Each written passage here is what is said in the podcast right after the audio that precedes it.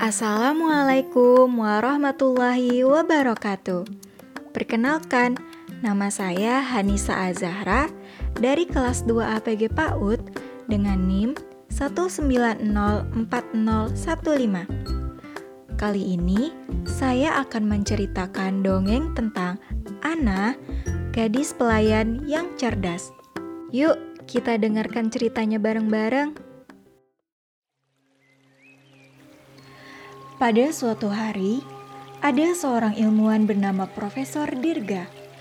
Dia memiliki dua orang murid bernama Vicky dan Niki.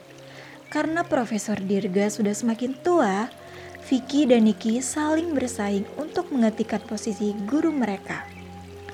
Pada saat itu, ilmuwan adalah profesi yang sangat penting. Profesor Dirga membantu warga menyembuhkan berbagai macam penyakit. Karena itulah, orang-orang sangat menghormatinya. Vicky yakin dia akan menjadi ilmuwan yang hebat. Dia berasal dari keluarga berada, tampan, dan rajin belajar. Dia selalu mencatat dengan rajin dan teliti semua yang diajarkan oleh gurunya. Niki juga yakin dia akan menjadi penerus yang hebat karena dia cepat tanggap dalam mempelajari suatu hal yang baru.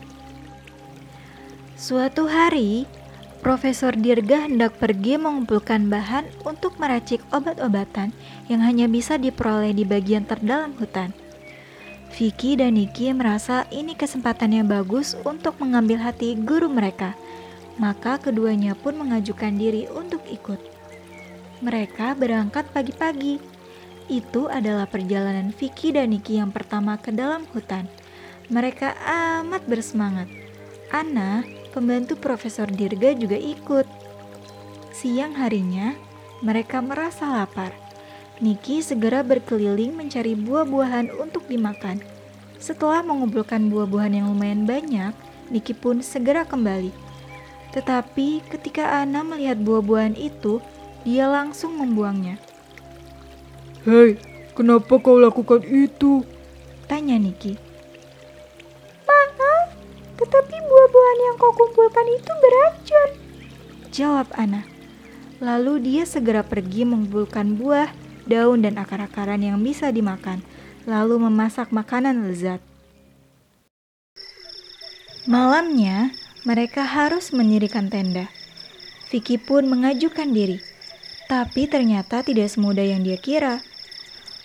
Uh, guru, Bagaimana kalau aku menelpon agar ayahku bisa mengirimkan tenda langsung jadi? Tanya Vicky. Vicky pun mengeluarkan telepon genggamnya, tetapi tidak ada sinyal di hutan. Ayo, kutunjukkan bagaimana caranya, kata Ana. Vicky memandang Ana tidak percaya, tetapi Ana benar-benar berhasil mendirikan tenda itu. Saat tengah malam, mereka dibangunkan oleh suara hewan yang aneh.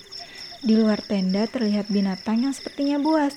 Lalu Niki segera mengambil sebuah balok kayu dan bersiap untuk bertarung. Tapi Ana menyuruhnya untuk mundur. Dia lalu memetik beberapa daun berbentuk aneh dari sebuah pohon di dekatnya dan berjalan perlahan ke arah binatang itu. Binatang itu pun memakan daun pemberian Ana dan pergi. Keesokan harinya, mereka sampai di tempat tujuan. Vicky kagum melihat cara kerja Ana yang ringkas dan teratur. Ketika dia masih mempelajari buku catatannya, Ana sudah mengumpulkan banyak bahan dan memasukkannya ke dalam tempat-tempat berlabel. Dalam perjalanan pulang, Vicky dan Niki menanyai Ana. Ana, ini kan juga perjalanan pertamamu. Bagaimana kamu bisa tahu buah mana yang beracun dan tidak? Tanya Niki. Aku mengamati hewan-hewan kecil di sepanjang perjalanan. Lalu ku catat buah mana yang mereka makan. Jawab Ana. Lalu bagaimana dengan tendanya? Bagaimana kau bisa mendirikannya dengan begitu mudah? Tanya Vicky. Aku membaca manual cara mendirikan tenda sebelum kita berangkat. Kata Ana sambil tersenyum. Bagaimana dengan binatang aneh yang datang di malam hari itu? Dan bagaimana kau tahu dia hanya mencari daun aneh? Tanya Niki. Aku melihat beberapa binatang itu di sepanjang perjalanan. Mereka selalu mengunyah daun itu. Dan dilihat dari susunan giginya, mereka adalah hewan pemakan tumbuhan. Jadi aku tahu hewan itu tidak berbahaya. Jawab Ana. Lalu Profesor Dirga berbicara pada muridnya. Jika kalian ingin menjadi ilmuwan yang hebat, maka kalian harus belajar banyak dari anak. Jika tidak, mungkin ilmuwan berikutnya adalah seorang wanita. Vicky dan Niki pun saling memandang. Pelayan yang selama ini tidak pernah mereka perhatikan ternyata adalah seorang gadis yang cerdas. Mereka memang harus belajar banyak darinya.